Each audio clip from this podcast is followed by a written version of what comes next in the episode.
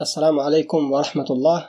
نقدم لكم الرواية القصيرة أحد ملوك الجمهورية للكاتب الروسي المتفنن ماكسيم غوركي بصوت عبد الباري الطشاني. إن ملوك الحديد والفولاذ والبترول في الولايات المتحدة كانوا دائما أبدا يشغلون أفكاري لأنني كنت واثقا تمام الوثوق بأن أصحاب الملايين من الدنانير لا يمكن أن يماثلوا البشر. بل إنهم من فصيلة خاصة. كنت أتصور أن لكل واحد منهم على الأقل ثلاث معد وفي فم كل منهم مائة وخمسون سنا. وكنت أعتقد أن صاحب المليون لا عمل له في كل يوم غير الأكل حيث ينهض من النوم عند الساعة السادسة صباحا ويسرع حالا لالتهام الطعام حتى الساعة الثانية عشرة مساء.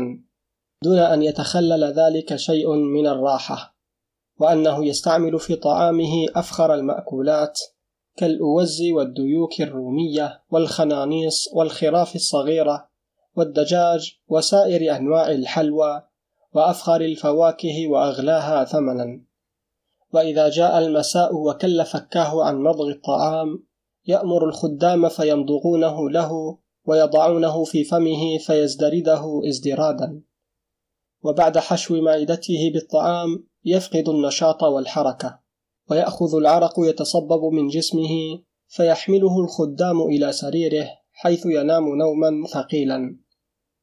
حتى إذا وافت الساعة السادسة من صباح اليوم التالي ينهض ويعود إلى ما كان عليه بالأمس من التهام الطعام. وعلى هذا المثال يقضي حياته التعيسة. وهذه النفقات الطائلة التي ينفقها على طعامه لا تبلغ نصف دخله من فائدة أمواله. ولا يخفى أن هذه العيشة ثقيلة متعبة. ولكن صاحب المليون مدفوع إليها بحكم الثروة الكبيرة. وإذا لم يعش على تلك الصورة التي ذكرناها فلا فارق بينه وبين أدنى الناس. وكنت أظن أن قمصان وسراويل صاحب المليون منسوجة من خيوط ذهبية وأن مسامير نعل حذائه أيضا من خالص الذهب ويرتدي على رأسه بدلا من البرنيطة قبعة مصنوعة على نمط خاص به مرصعة بالجواهر والدر وسائر أنواع الحجارة الكريمة وأن رداءه الخارجي خيط من أفخر الحرير وأغلاه ثمنا. ولا يقل طوله عن مائة متر مزدان بثلاثمائة زر من الذهب النقي. وأنه في أيام الأعياد يرتدي ثماني سترات واثنا عشر بنطلونا. ومع أن ذلك يبهض جسمه ولكنه يحتمل ذلك بسرور ليمتاز عن سائر الناس في كل شيء. وكنت أتصور أن جيب صاحب المليون عبارة عن هوة عميقة يستطيع أن يخفي فيه الكنيسة ودار الندوة العمومية وكل شيء أراده. وإذا تصورت جوفه فكان في نظري لا يقل اتساعه عن مخزن إحدى البواخر البحرية الكبيرة الحجم. ولكني مع كل هذه التصورات ما كنت أقدر أن أتصور طول رجليه ورجلي بنطلونه. ولكني ظننت أن اللحاف الذي ينام تحته صاحب المليون لا يقل طوله عن ميل مربع. وتصورت أيضا أنه إذا كان من المغرمين بمضغ التبغ فإنه يلقي في فمه دفعة واحدة كمية من أجوده لا تقل عن رطلين وإذا كان من المغرمين في استنشاقه فإنه يضع من مسحوقه المعروف بالنشوق كمية في أنفه لا يقل وزنها عن الرطل وهو معذور فيما يفعله لأن النقود تطلب إنفاقها. وأما أصابع يديه فإنها عجيبة مدهشة ليست كأصابع الناس المعروفة. وقد اختفت فيها قوة سحرية بحيث يمدها إلى أبعاد شاسعة إذا شاء ثم يرجعها إلى حالتها المعتادة. حتى إنه لو كان جالسا في نيويورك وبلغه بأن دولارا نبت في سيبيريا فإنه يمد أصابعه من فوق بوغاز بيرين ويقتلع الدولار الذي نبت في أرض سيبيريا وهو جالس على مقعده.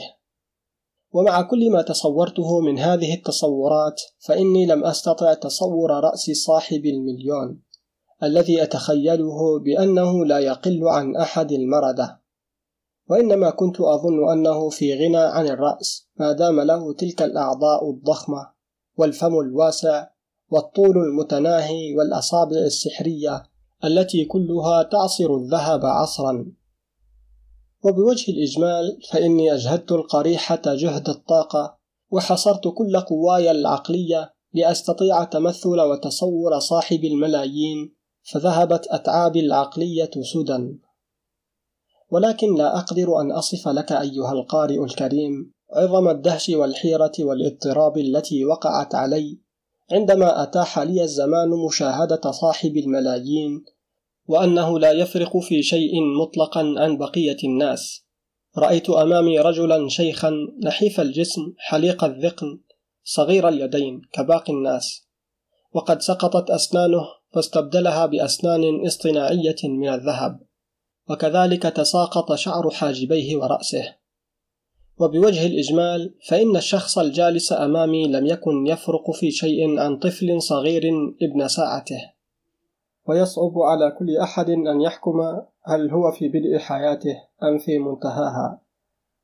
وأما ملابسه فهي قريبة الشبه من ملابس ميت من عامة الناس وفي يده خاتم ذهب وعلى صدره سلسلة ذهبية. وأسنانه أيضا من الذهب كما قدمنا. وإذا وزن الذهب المتحلى به فلا يزيد عن مثقال. وكل إنسان يتصور خدمة الدوقات في فرنسا ورأى رسومهم لا يشك إلا بأن هذا الرجل واحد منهم. وقد استقبلني في غرفة ليس فيها شيء من الرياش الفاخر والداخل إليها يظنها من أول وهلة أنها إسطبل أفيال لا قاعة استقبال.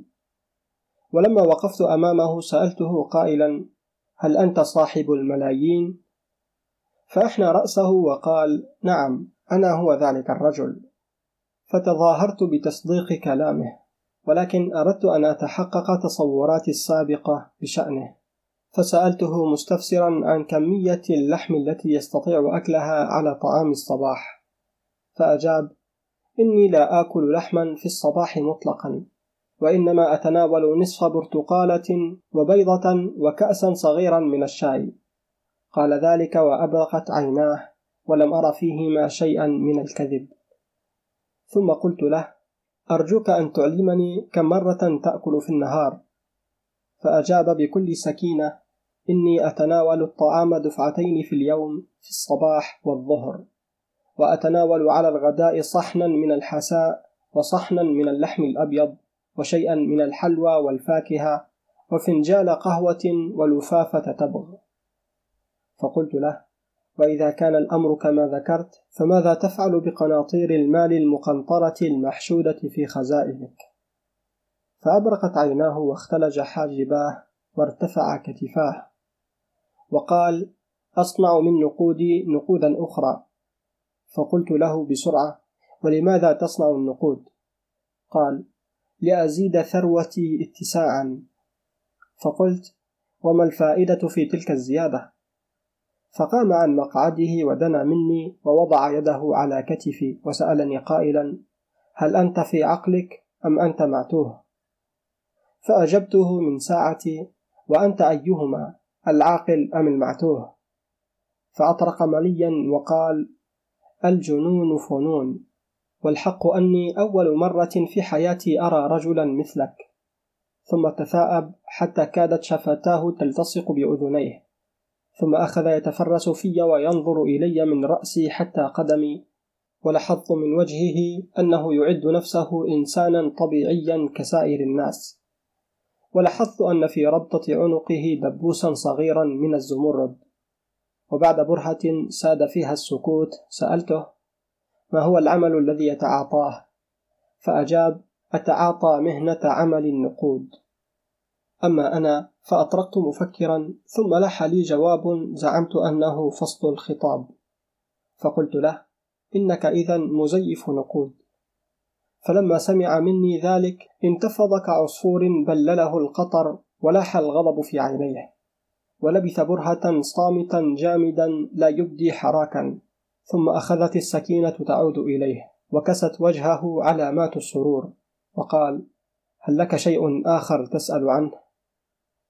فافتكرت وبدأ لي سؤال جديد سألته إياه قائلا كيف تصنع النقود؟ قال سؤالك هذا معقول والإجابة عليه في غاية السهولة إني أنشأت كثيرا من الخطوط الحديدية التي تخترق البلاد عرضا وطولا ولي معامل لا تحصى يعمل فيها آلاف العمال. فالمعامل تصنع البضائع والسكك الحديدية تنقلها إلى البلاد وتطرحها في الأسواق وبذلك تنهال علي الأرباح انهيال السيل. ولكن لا تنسى ما أدفعه من الأجور لعمال المعامل حتى لا يقضوا جوعا. قلت وهل ترى جميع العمال مسرورين من حالتهم؟ راضين بالأجور التي يتقاضونها؟ قال ليس كلهم بالطبع فإن الإنسان مهما سعى في سبيل إرضاء الناس فلا يستطيع إلى ذلك سبيلا. ثم سألته هل الحكومة لا تتدخل في شؤونكم ولا تعطل سير أعمالكم؟ فقال معيدا ما قلت الحكومة وأطرق مليا ثم أبرقت أسرته كأنه توصل إلى حل معمى. أظنك تريد أولئك الرجال المقيمين في واشنطن. كلا كلا إنهم لا يصادروننا في أعمالنا مطلقا ولا يتدخلون فيها أقل مداخلة. وأعرف بينهم أشخاصا من أهالي جهتنا هذه ولكن لا أجتمع بهم إلا نادرا.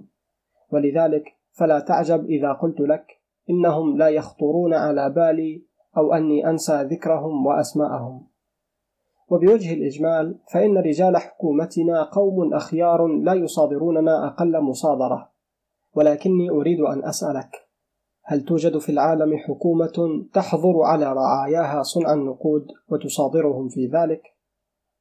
فأجبته وأنا معجب بحكمته آسف على فضولي قائلا زعمت أنه توجد حكومات تصادر النهب العلني وتسعى إلى منعه بالضرب على أيدي النهابين السلابين الذين يستحلون أتعاب غيرهم. فقال مغضبا إن هذا لا يفرق بعرفي في شيء عن الفوضوية التي ليس لها أثر في بلادنا. وحكومتنا لا تتدخل مطلقا في الشؤون العامة. وفوق ذلك فإن قوانين البلاد لا تبيح لها ذلك مطلقا. فقلت له إنك إذا تعتقد بأنه إذا ابتز رجل واحد دماء وأموال ألوف من الرجال والناس لا يعتبر عمله هذا من الشؤون العامة التي يجب على الحكومة المداخلة في شأنها لإيقاف جشع ذلك الرجل وكف مطامعه بل وعقابه على فعله. أو ما سمعت قول فيكتور هوغو الشاعر الفرنسي القائل قتل امرئ في غابة جريمة لا تغتفر. وقتل شعب آمن مسألة فيها نظر والحق للقوة لا يعطاه إلا من ظفر. ذي حالة الدنيا فكن من شرها على حذر. فتغيرت سحنته وقال مكررا قتل الشعب سلبه ابتزاز أمواله. كلمات وإن اختلفت في اللفظ فإنها تؤدي إلى معنى واحد ليس له ظل في بلادنا. وإنما هي تكون في بلاد ارتفعت فيها أجور الفعالة ارتفاعا فاحشا. واعتاد رجال الأشغال فيها على الإضراب عن العمل أو الجنوح إلى الاعتصاب ولا يوجد في بلادنا شيء من ذلك لأن المهاجرين ينسلون إليها من كل حدب وصوب أفواجا أفواجا. وكثرة عددهم تخفض أجور الفعالة الأمريكيين الذين إذا اعتصبوا بدعوى قلة الأجور يحل محلهم عن طيبة خاطر وسرور المهاجرون الذين كلما ازداد عددهم قلت أجورهم. وهم بالطبع ينفقون ما يحصلون عليه في البلاد التي تجني من ورائهم فوائد جمة. قال ذلك وأبرقت أسرته وأصبح وجهه يشبه وجه شيخ وطفل مزجا معا. فخرجت منهما صورة واضحة ممزوجة.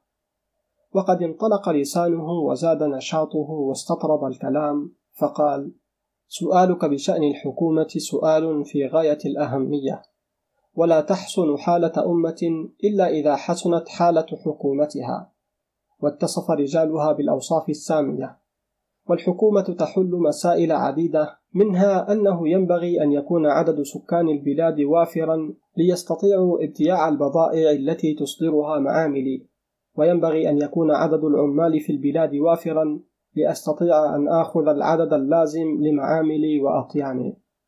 وفي مثل هذه الحالة لا يكون أثر في البلاد للاشتراكيين ولا للاعتصاب. والحكومة لا ينبغي عليها أن تبهض كاهل الرعايا بالضرائب الفادحة حتى يتوفر لدى الأمة المال وتبتاع به من معامل وحكومة مثل هذه هي بعرف حكومة عادلة جيدة. ولاحت على وجهه المضحك أمارات السخافة والحماقة. وازبأرك الأسد. حتى خلت أن أمامي ملكا من الملوك يعتز بجبروته وسلطته. ولا غر. فهو ملك وأي ملك. ثم استطرد الكلام أيضا وقال وأريد من الحكومة أن تعين برواتب طفيفة عدة من الفلاسفة يعلمون الشعب في أيام الآحاد كيفية اتباع القانون والسير بموجبه بحيث يستمر كل فيلسوف مدة ثمان ساعات متوالية يلقي عظاته وحكمه المؤثرة وإذا لم يكف عدد الفلاسفة في البلاد تعهد ذلك إلى الجنود.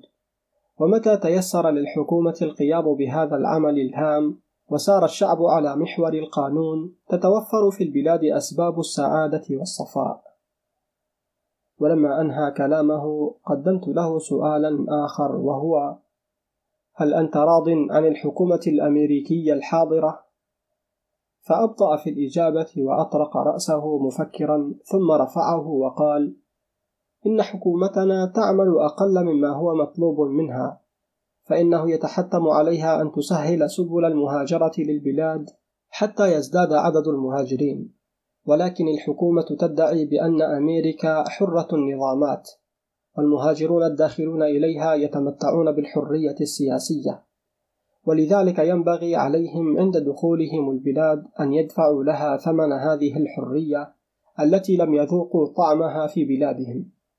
وفرضت على كل مهاجر أن يكون معه عند دخوله البلاد خمسمائة دولار. وهي كما ترى محقة في صنعها هذا لأن الرجل الذي يملك خمسمائة دولار خير من صاحب الخمسين بل يفضله عشر مرات وهو على كل حال خير من المتشردين والمرضى والبائسين الذين لا ينفعون البلاد أقل منفعة بل هم عالة على أكتافها. فقلت له ولكن هذا الشرط ينقص عدد المهاجرين. فأجابني في الحال قائلا إنني أرى أنه ينبغي على الحكومة أن تمنع المهاجرة بعد حين من الزمن وهي مصيبة الآن في فرضها على كل داخل بلادها أن يكون لديه شيء من المال النافع للبلاد. ثم بعد أجل ترفع القيمة التي كما أشرت آنفا يدفعها المهاجر ثمنا لتمتعه بالحقوق المدنية كما يتمتع بها الرعايا الأمريكيون سواء بسواء. وبعد ردح من الزمن ينبغي حرمان المهاجرين من التمتع بالحقوق المدنية التي يتمتع بها أهالي البلاد لأن عدد الأمريكيين أصبح كافيا ولا فائدة من زيادته. وكل أمريكي يستطيع على حدة أن يعمل لزيادة عدد مواطنيه. وجميع ما ذكرت لك من الشؤون من خصائص الحكومة وهي تبدل وتغير وتغير وتبدل في النظامات على حسب ما يتراءى لها وهي تظن أنها تتوخى خير البلاد ونفعها. والذي أراه أن رجال الحكومة لا يستطيعون إدراك المنافع الحقيقية التي تعود على البلاد بالخير الوفير والنعم الجزيلة إلا إذا ابتاع كل واحد منهم أسهما كثيرة من الشركات التجارية والزراعية والصناعية. وأما الآن فإنهم لا يدركونها حق الإدراك. ولذلك تراني وغيري من أصحاب الأموال نضطر إلى ابتياع أعضاء مجلس البرلمان والمجالس الأخرى وندس لهم المبالغ الوافرة. لنستطيع الحصول على ما نتمناه من التغيير في نظام البلاد. حتى يكون ذلك في غاية الموافقة لمصالحنا وعندما لفظ هذه العبارة تنهد الصعباء وقال إنك لترى أنه لا يحسن حال العيش إلا إذا انهال الذهب فيه كالسيل المنهمر أما أنا فلما وقفت منه على رأيه السياسي وجهت إليه سؤالا جديدا فقلت له وما رأيك في الدين؟ فضرب بيده على فخذه ورفع حاجبيه وقال إن رأيي في الدين مصيب كل الإصابة وأعتقد أنه ضروري للشعب وبدونه لا تسير الأعمال على محور النشاط والخضوع. وأزيدك علما أني في أيام الآحاد أعلو منبر الوعظ وألبث واقفا مدة طويلة أعظ الشعب. ولا سيما جمهور الفقراء والعمال. فسألته مستفسرا ماذا تقول لهم؟ وما هو موضوع عظاتك؟ فأجاب أخاطب الشعب هكذا. إخوتي وأخواتي لا تخضعوا لعوامل تأثير شيطان الحسد واطردوا من رؤوسكم كل فكر أرضي ووجهوا أبصاركم وأفكاركم إلى السماء لأن الحياة على هذه الأرض قصيرة تمر مر الطيف والإنسان يعد عاملا نافعا إلى السنة الأربعين من عمره. فإذا جاوز ذلك السن يعجز عن العمل ولا يقبل في المعامل بل يطرد منها طردا. والحياة كما لا يخفاكم مملوءة بالأكدار والأوزار.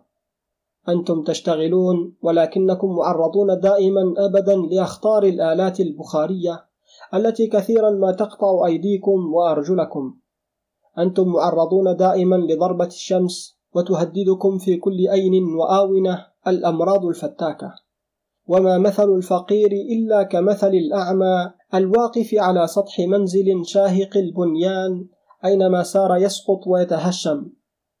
وقد قال بهذا الشأن يعقوب الرسول أخو الرسول يهوذا ما يأتي. يا إخوتي لا تهتموا بالحياة الأرضية لأنها من صنع الشيطان قاتل الأرواح ومضل النفوس. إن مملكتكم يا أولاد المسيح الأعزاء ليست من هذا العالم بل هي من السماء. وإذا تحملتم بصبر وتجلد دون تذمر متاعب هذه الحياة فإنكم تنهون معيشتكم بهدوء وسكينة. وإن أباكم السماوي يقبلكم في مساكن الفردوس الكثيرة. ويكافئكم على أتعابكم الأرضية بسعادة أبدية لا يفنيها الفناء. قال أيضا يهود الرسول إن هذه الحياة ليست إلا مطهرة للنفوس وبمقدار ما تتحملون من المشاق على هذه الأرض الفانية بمقدار ذلك تنتظركم سعادة عظمى وغبطة أبدية في ملكوت السماوات. ثم أشار بإصبعه إلى سقف الغرفة وأطرق رأسه مفكرا ثم استطرد الكلام فقال أجل إخوتي الأعزاء إن هذه الحياة فانية فارغة لا قيمة لها ويحتم علينا الدين أن نقدمها ضحية على مذبح محبة القريب أيا كان. فلا تخضعوا قلوبكم لسلطة شيطان الحسد والشهوات. لا شك في أنكم تشتهون الحصول على الخيرات الأرضية. ولكنها يا إخوتي خيرات فانية باطلة تشبه الظل السريع الزوال. وما هي إلا من ألاعيب الشيطان التي يزينها ويغرر بها الناس ويخدعهم بها. أيها الإخوة سنموت جميعا. الأغنياء والفقراء والملوك والمعدنون وأصحاب الملايين والذين يكنسون الأزقة وينظفون الأحذية. كلنا أمام الموت سواء ولكن هنالك في الأخرى سيكون الفرق جسيما بين الناس. لأن المعدنين قضوا الحياة في قطع الفحم من مناجم الفحم الحجرية يصبحون ملوكا في الحياة الثانية ويصبح ملوك الأرض خدمة لهم يحملون المكانس ويكنسون بها أوراق الأشجار المتساقطة من أدواح الفردوس كما يكنسون قراطيس الحلوى الفارغة التي ستكون لكم غذاء يوميا في الفردوس. أيها الإخوة ماذا يشتهي الإنسان على الأرض التي هي عبارة عن غابة مظلمة مملوءة بالخطايا والآثام تضل فيها النفس كطفل صغير؟ اذهبوا إلى الفردوس من طريق المحبة والوداعة والتواضع. تحملوا بصبر ما تسوقه إليكم صروف الزمان وطوارق الحدثان. حبوا جميع الناس حتى الذين يهينونكم ويزدرون بكم ويحقرون شأنكم. وعند هذه النقطة من كلامه أغمض عينيه وانتفض وهو جالس في كرسيه واستطرد الكلام فقال صموا آذانكم عن سماع كلام أولئك الناس الذين يحركون في قلوبكم حاسة الحسد بقولهم لكم. أنتم فقراء بائسون تتحملون مشاق هذه الحياة وتعملون الأعمال التي تهدم بنيان أجسامكم. وتخدمون الأغنياء الذين يرتعون في بحابح العز والراحة ويرفلون بمطارف الخز والديباج. ومع أنكم أنتم علة ثروتهم وأساس سعادتهم فإنهم يسومونكم أنواع العذاب والهوان ويدفعون لكم أجورا طفيفة لا تساوي جزءا من العمل الذي تقومون به. لا تصغوا يا إخوتي لكلام هؤلاء الناس الذي ليس له دليل يؤيد صحته. وهم في الحقيقة ونفس الواقع رسل الشيطان ونذيرو الشر والفساد. فإن الله تعالى قد حرم الحسد على عباده وتوعد الحساد بالويل والثبور وعظائم الأمور. إن الأغنياء أيها الإخوة فقراء محتاجون إلى المحبة. لأن الناس يبغضونهم ويحسدونهم دون سبب يدعو إلى ذلك. فحب الغني أيها الإخوة لأنه مصطفى من الله جل جلاله. قال الرسول يهوذا أول كاهن لهيكل الله أيها الإخوة لا تلتفتوا للمساواة بالناس على الأرض ولا ترضخوا لتحريضات الشيطان الذي يقودكم إلى الهلاك. إن مساواة الناس لبعضهم على هذه الأرض الفانية لا قيمة لها بل إن الذي يسعى إليها يظل الصراط القويم ويقود نفسه إلى ارتكاب الشر. والأجدر بكم أن تبذلوا الوسع لتكونوا متساوين أمام الله بطهارة النفس. فاحملوا بصبر أتعابكم والتواضع يخفف عليكم هذا العبء الثقيل. الله معكم يا أولادي. وأرى أنكم لستم في حاجة أخرى إلى غير ما قلته لكم. والسلام عليكم. قناة عبد الباري الطشاني على اليوتيوب للكتب والروايات المسموعة. ثم صمت هذا العجوز وفتح فمه فأبرقت أسنانه الذهبية وتفرس فيه. وعلامات السرور بادية على وجهه. فقلت له إنك تنتفع بالدين انتفاعا عظيما وتستعمله كآلة حادة للوصول إلى أغراضك. فقال لا ريب في ذلك لأني أقدر الدين حق قدره وواثق كل الوثوق بأنه ضروري للفقراء وبدونه لا تسير أعمالهم على محور النشاط والثبات. والدين يعجبني جدا وأعيد لك القول مؤكدا أن الدين لا بد منه. ويتحتم علينا معاشر الأغنياء أن نبذل النفس والنفيس في سبيل توطيد دعائمه في قلوبهم ورسوخ عقائده في نفوسهم حتى يعتقدوا اعتقادا لا يتزعزع بأن كل شيء في هذه الحياة الدنيا من صنع الشيطان وفي جنوحهم وتطلعهم إليه يحرمون الغبطة في الحياة الأخرى الأبدية. ألا تعلم أن الدين يقول أيها الإنسان إذا أردت خلاص نفسك لا تشتهي شيئا من متاع الدنيا الفانية ولا تتطلع إلى شأن من شؤونها الزائلة وزخارفها الباطلة لأنك ستكافأ في الحياة الأخرى حيث ترتعي في جنان الخلد في بحبوحة العيش ورياض السعادة وكل شيء في السماء هو لك. فإذا رسخت هذه المعتقدات في نفوس الناس سهل علينا العمل معهم وسهل انقيادهم إلينا. أجل إن الدين هو بمثابة الزيت الذي كلما زدنا في صبه ودهنا أداة الحياة به كلما لانت بقية أدواتها وسهلت إدارتها واستعمالها كيفما نشاء. فحكمت في نفسي أنه ملك ثم وجهت إلى هذا الرجل الذي حكمت بأنه متسلسل من فصيلة رعاة الخنازير. السؤال التالي وهل تعد نفسك مسيحيا بجميع معنى الكلمة؟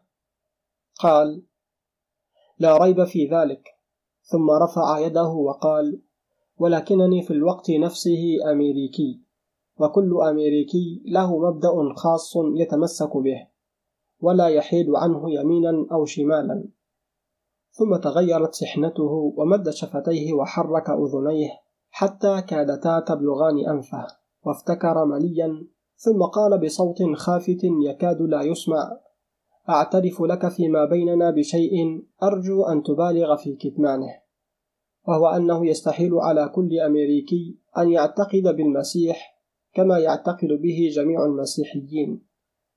فاضطربت لدى سماع ذلك منه وقلت له أرجوك أن تزيدني إيضاحا.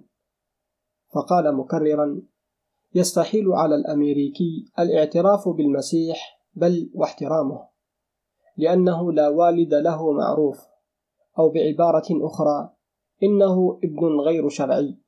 ومثل هذا لا يمكن أن يكون في أمريكا إلها ولا موظفا ولا يقبله أحد في المحافل والمجتمعات ولا ترضى أدنى الفتيات بالتزوج به.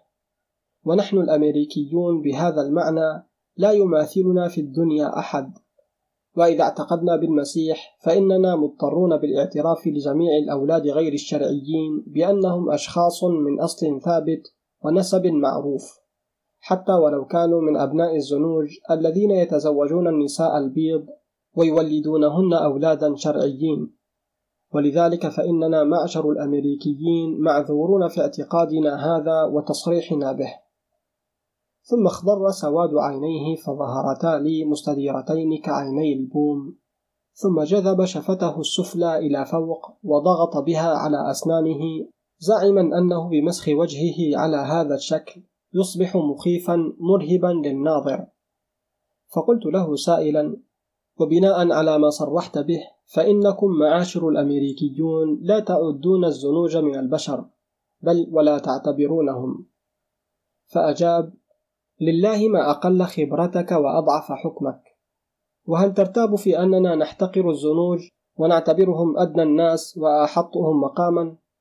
فهم سود الألوان وتخرج من أجسامهم رائحة كريهة.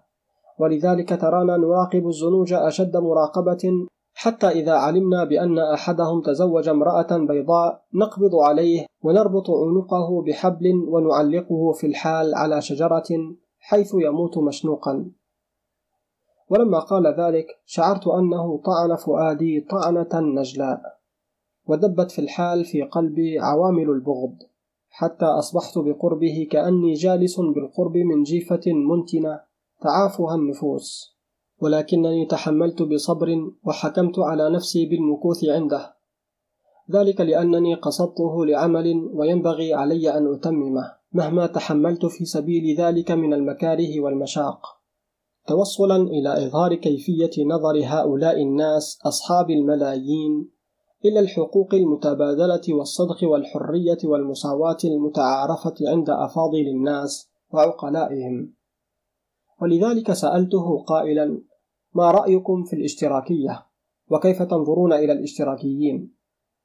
فأجاب من ساعته إنهم أبناء الشيطان والاشتراكيون رمل في الآلة التي تدير حركة الحياة بل هم رمل يدخل بدون استئذان بين جميع الهيئة الاجتماعية فيعطل حركتها ويفسد سيرها.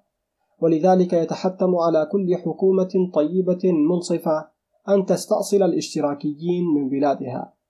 وهذه الطغمة الفاسدة تولد في أمريكا مما يدل على أن رجال الحكومة في واشنطن مقصرون في أعمالهم كل التقصير.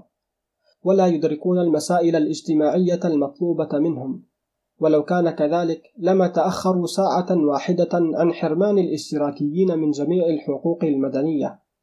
وبعرفي أنه يجب على الحكومة أن تكون أقرب مما هي عليه الآن من مرافق الحياة. ولا يتأتى لها ذلك إلا إذا كان الرجال الذين تتألف منهم مأخوذين من أصحاب الملايين. فقلت له أظن أنك أنت رجل نافع للبلاد. فأجاب من فوره أجل إني نافع جدا. وذهبت عن وجهه العلامات الصبيانية ولاحت عليه الأساريع وقال واعلم أن رأس الإشتراكيين مملوء بالكفر والإلحاد كما أن معدهم مملوءة بالفوضوية. وأما نفوسهم فإنها مظللة بأجنحة الشياطين فأصبحت تنفث الجنون والشر. ولا تفوز الحكومة على الإشتراكيين وتستأصلهم من البلاد إلا بقوة الدين والجنود. فإن قوة الدين تحارب الكفر والجنود يحاربون الفوضوية. ففي بدء الأمر نصب في رأس الاشتراكي مقادير عظيمة من رصاص التعليم الكنائسي.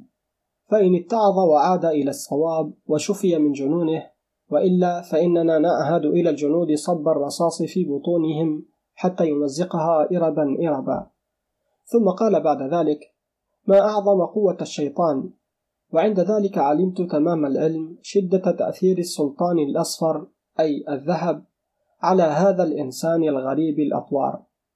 فإنه لدى حديثه هذا رأيت أن عظام هذا الشيخ الذي نخرها سوس الأمراض العصبية وجسمه الذي أنهكته الشيخوخة فأصبح كأنه موضوع في كيس من جلد قد هزته نغمة الطرب والانشراح وأعاد إليه قوة الشباب ذكر السلطان الأصفر الذي ذكره بحياته الماضية حياة الكذب والنفاق والدعارة والرجس والفجور.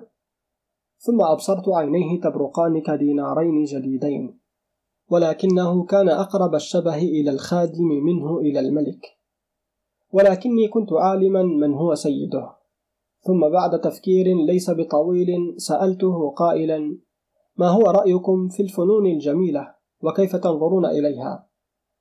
فتفرس في ومسح عن وجهه بيده آثار الحقد والشر وقال لي أعد سؤالك فإني لم أتفهمه فكررت سؤالي وسألته رأيه بشأن الفنون الجميلة فأجابني بقوله إني لا أفتكر مطلقا بالفنون وإنما أبتاع ما أحتاجه منها. فقلت له ذلك أمر معلوم لدي ولكن يحتمل أن يكون لكم فيها رأي من الآراء. أو بعبارة أخرى أريد معرفة حاجتك منها. فما دمت تبتاعها فلا شك أنه يكون لك رأي في نقصانها وكمالها. فقال أجل إنني أطلب مطالب خاصة. أهمها أن تكون الفنون فكاهية تجلب السرور لفؤادي وتزيل عنه ما علق به من الأكدار والأحزان. وإيضاحا لذلك أقول أنا أريد أن أضحك وأسر وأبتهج ولا يوجد في أعمالي الخاصة ما يسبب ذلك. ومما لا يخفى عليك أنه يجب على الإنسان أن يطلب الرياضة أحيانا ويرتاح من عناء الأعمال ويفرغ ما في دماغه من الهموم ويعمل لما يعيد لجسمه النشاط والهمة.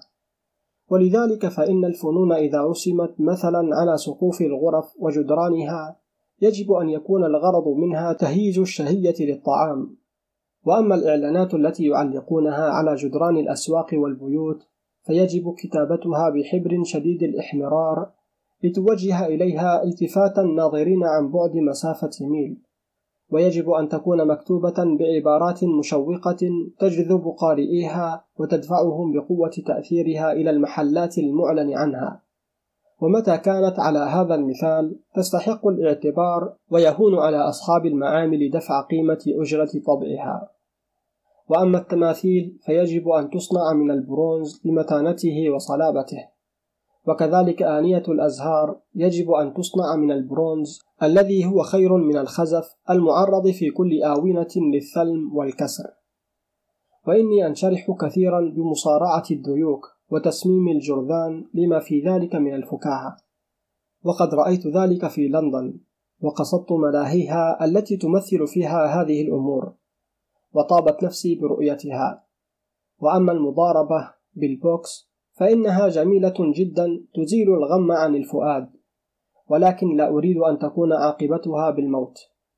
وأما الموسيقى فإنها فن جميل ويجب أن تكون أنغامها وطنية محضة. خذ لك مثلا النغم الوطني الأمريكي فإنه يؤثر على سامعه تأثيرا شديدا لحسن توقيعه. إن أمريكا أحسن وأجمل بقعة في العالم ولذلك تجد الموسيقى الأمريكية أرق وأحسن موسيقى في سائر أقطار الأرض. وهذا أمر لا يحتاج إلى دليل لأنه حيث تكون الموسيقى الجميلة يكون هناك الناس الأفاضل الكرام. والأمريكيون أغنى الناس على الإطلاق ولا تجد أمة تضاهيها في اتساع الثروة وفي كثرة المال. وبناء عليه فلا تستغرب إذا صرحت لك بأنه سيأتي وقت يهاجر إلينا فيه جميع سكان الأرض. أما أنا فكنت أسمع ترهات هذا الطفل المريض. وقد مر في مخيلتي ذكر برابرة تاسمانيا الذين يأكلون لحوم البشر. ولكن الذين رأوهم يصفونهم بأن أفئدتهم تضم عواطف شريفة ليس لها أثر عند أمثال هذا الشخص من عبيد الشيطان الأصفر وبعد ذلك أردت أن أسأله سؤالا أضع فيه حدا لإعجابه ببلاده التي دنسها بحياته الفاسدة وسيره المفسود فقلت له هل تذهب أحيانا إلى مسارح التمثيل؟ فأجاب لا ريب في ذلك فإني أكثر من التردد عليها لأني أعتبر التمثيل من ضمن الفنون الجميلة التي تشرح صدر الإنسان. فقلت وما يعجبك في تلك المسارح؟ فأجاب بعد تفكير قصير يعجبني فيها النساء وهن محسورات الصدور عاريات الأيدي مرتديات أفخر الحلل ومزينات بأثمن الحلي والجواهر الكريمة. ولا سيما إذا كنت جالسا في لوج فوق ألواجهن أمتع الطرف بالنظر إلى جمالهن الفتان. ثم تطفلت وسألته أيضا وماذا تحب أكثر من كل شيء في المسرح؟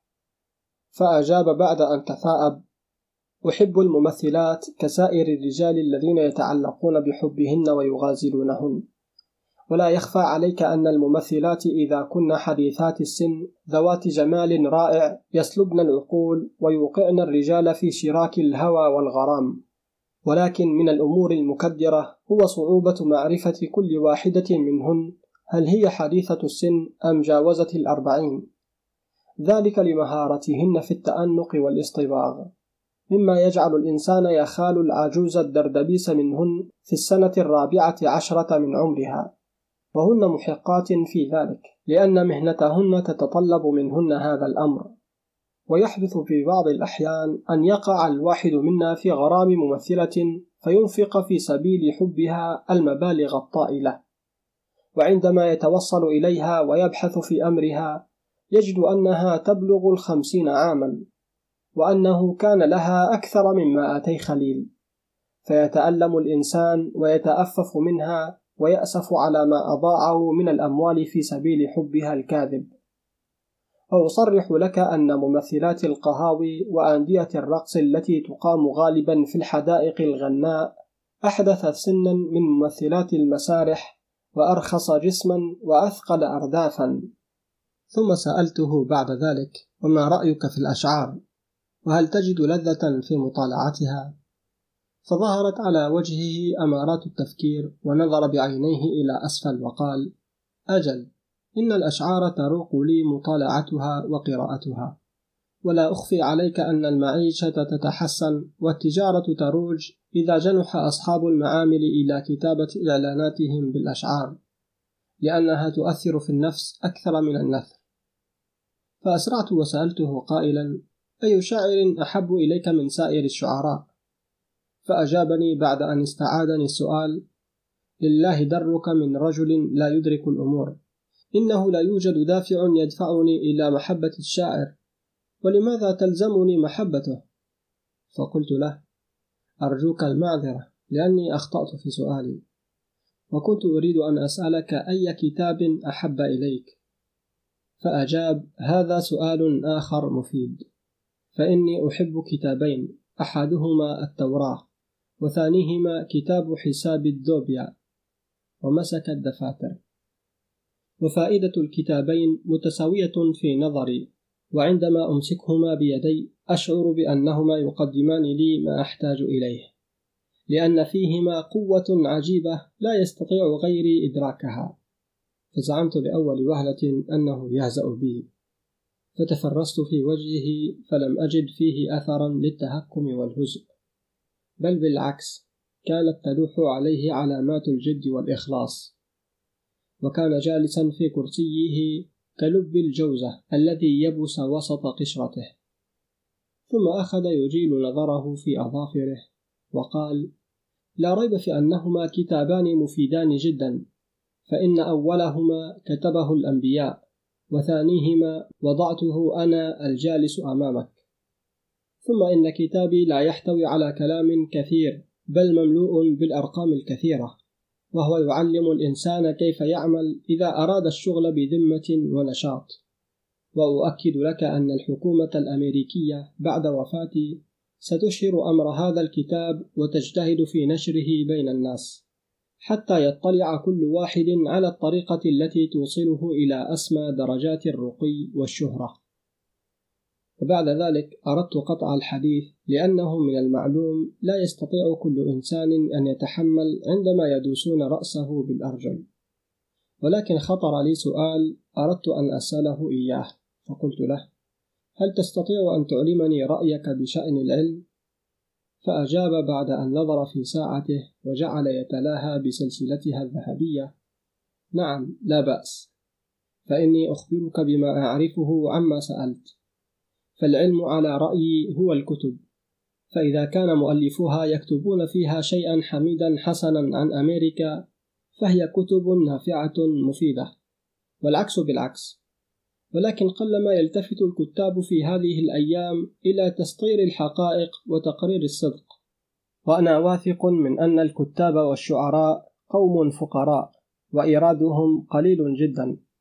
ولا عجب في ذلك. فإن الأمة المنهمكة في الأعمال ليس لها وقت للمطالعة. وعلى ذلك تصادف مطبوعاتها كسادا عظيما يتحمل منه مؤلفوها أنواع الفاقة وصنوف الحاجة. وفوق هذا وذاك فإن الشعراء قوم أشرار وبعدل يحجم الناس عن ابتياع تآليفهم. ولذلك فإن من رأيي أنه يجب على الحكومة أن تدفع للكتاب مبالغ وفيرة لأن الإنسان متى كان شبعان غير محتاج إلى شيء يكون لين العريكة حميد الصفات وقلما يميل إلى الشر في مثل هذه الحالة. ولذلك أقول إنه إذا كانت بلادنا في حاجة إلى الكتب المفيدة ينبغي على الحكومة أن تؤجر عددا عظيما من الشعراء والكتاب وتدفع لهم الأجور الكبيرة وتكلفهم بوضع الكتب ونظم القصائد في تعداد مآثر الأمريكيين ووصفهم بأعظم الصفات المجيدة. وكذلك وصف أمريكا بأنها أحسن بقعة في العالم وأنها مهد المدنية ومبهط العمران وأرض الحرية وما شابه ذلك. وإذ ذاك فقط تتوفر لدينا الكتب النافعة المفيدة. فقلت له إنك ضيقت كثيرا في تعريف العلم. فأجاب وأزيد على ذلك أن المعلمين والفلاسفة يدخلون ضمن العلم. وقل مثل ذلك عن كبار الأساتذة والقابلات وأطباء الأسنان والمحامين والأطباء والمهندسين وكلهم لا غنى للناس عنهم. ويجب عليهم أن ينفعوا الناس ويرشدوهم إلى ما يفيدهم. ولكن معلم ابنتي قال لي مرة أنه توجد علوم اشتراكية فلم يعجبني قوله لأني أظن أن مثل هذه العلوم مضرة ضررا كبيرا لأن العلم النافع لا يخرج الاشتراكيين وينبتهم كما أن العالم الاشتراكي لا يستطيع وضع كتاب نافع مفيد ولا يستطيع إبراز العلوم النافعة إلا الرجل العاقل الذي يحب وطنه مثل أديسون مثلا مخترع الفوتوغراف والصور المتحركة. لما فيها من الفائدة الفكاهية للأهالي. وأزيدك إيضاحا إن كثرة الكتب لا فائدة منها. ومن رأيي أنه لا يجوز للناس مطالعة الكتب التي تثقف العقول وتهيج الأفكار وتولد الظنون والشكوك. وكل شيء في هذه الحياة يجري في مجراه الطبيعي ولا لزوم لإدخال الكتب في الأعمال وتشويش أفكار العمال. ولما قال ذلك نهضت. فخاطبني قائلا أراك تريد الخروج؟ فأجبته بالإيجاب وقلت له إنني أرجوك كثيرا أن تعلمني شيئا أميل إلى معرفته وهو ما الفائدة التي يجنيها الإنسان من إحرازه الملايين؟ فأجاب إن ذلك عادة راسخة في الجسم وكلما زادت ثروة الإنسان يسعى في زيادتها. كما أن العادة المستأصلة في جسم الإنسان تنمو مع نموه. فأطرقت مليا ووجهت إليه آخر سؤال وهو فإذا على رأيك أن المتشردين ومدخني الأفيون والسكيرين كأصحاب الملايين سواء بسواء ولقد ظهر لي أن استنتاجي هذا كدرة فأجابني بصرامة قائلا إنك يا صاح عديم التربية. مجرد عن الأخلاق الطيبة. أستودعك الله يا صاح. فسار معي مشيعا حتى الباب الخارجي. وكانت أمام منزله ساحة كبيرة مغطاة بالعشب الأخضر الذي ينمو فيها. فسرت عليه وكان فؤادي يخفق سرورا لأنه خطر على بالي فكر وهو أني لا أعود أرى هذا الرجل. وفيما كنت سائرا سمعت رجلا يدعوني باسمي. فالتفت فإذا به واقف أمام الباب ينظر إلي فقلت له ماذا تريد مني؟ فقال هل يوجد عندكم في أوروبا ملوك زائدون عن لزوم رعاياهم؟ فأجبته إن جميع الملوك لا لزوم لهم وجميع الشعوب في غنى عنهم. ثم قال أحب أن أستأجر لي زوجا من الملوك. فقلت له ولماذا ذلك؟ أجاب كنت ألزمهما أن يتصارعا كل يوم بالبوكس في هذه الساحة على سبيل الفكاهة كما يتفكه الإنسان بمنظر مصارعة الديوك. فقلت له عندكم هنا كثير من الزنوج والمهاجرين تستطيع استخدامهم لمثل هذه الغاية. أجاب كلا كلا لأني إذا تحصلت على ملكين من ملوك أوروبا أتفرد بهذا المعنى. وأكون أحرزت شيئا لا مثيل له عند أحد من أصحاب الملايين. وفي ذلك لذة عظمى ولكل جديد طلاوة ترتاح إليها النفوس. فقلت له إن الملوك لا يحسنون المصارعة لأنهم يتصارعون دائما بأيد غريبة أو بعبارة أخرى يدفعون رجال رعاياهم ويعرضونهم للهلاك ويتلاهون بمنظرهم كما كان يتلاهى ملوك الرومان واليونان. بمصارعة الأسود والثيران. ثم قال لي وكم تظن أنه يكلفني استئجار ملكين في خلال ثلاثة أشهر يتصارعان كل يوم مدة ساعتين؟ فلم أرد عليه وسرت في طريقي لا ألوي على شيء. تمت الرواية القصيرة أحد ملوك الجمهورية للكاتب الروسي المتفنن ماكسيم غوركي. إعداد وترجمة سليم قبعين قراءة عبد الباري الطشاني.